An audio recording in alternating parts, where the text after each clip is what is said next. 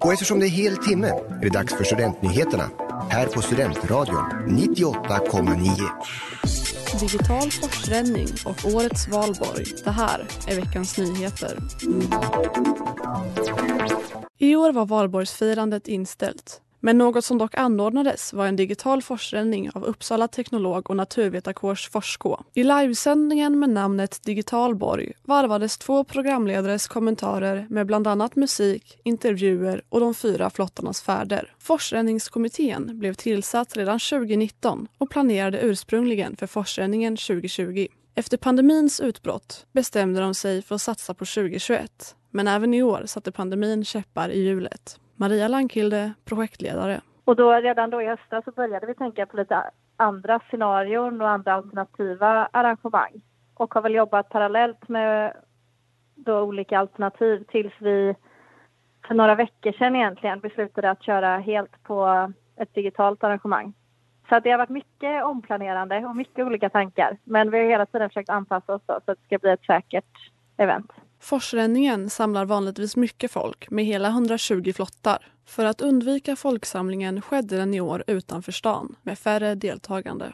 Så att vi hade fyra flottar som rände med två personer på varje. Så det var åtta stycken från Forskå som rände. Och så hade vi det, flyttade vi det till utanför stan istället. Och så hade vi planerat in lite andra aktiviteter längs med sträckan eftersom det inte är eh, lika strömt och inte så mycket fall som det är inne i stan. Vi hade tre olika aktiviteter. Det ena var man skulle köra slalom mellan bojar, det var lite som en hinderbana. Sen hade vi Kingen i badriggen, hette andra aktiviteten. Då fick man träffa på eh, då, Kingen som eh, ställde gåtor till eh, rännarna. Och så fick de inte passera för de hade löst gåtan. Och sen sista så hade vi prickskytte. Man får tänka kreativt verkligen. ja, ja alltså det är ändå någonting av det häftigaste med det här. Att det blev ju verkligen inte som vi hade tänkt oss. Men eh, vi har ju också verkligen fått, som du säger, vara kreativa och komma upp med helt andra idéer och helt nya koncept. Och det har varit jättehäftigt att se kommittén arbeta med det.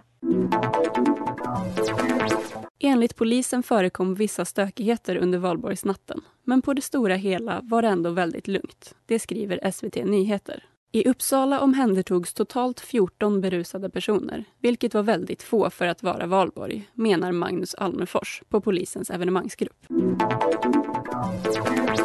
Du har lyssnat på nyheterna i Studentradion 98,9 med Amanda Jansson och mig, Elvira Åberger.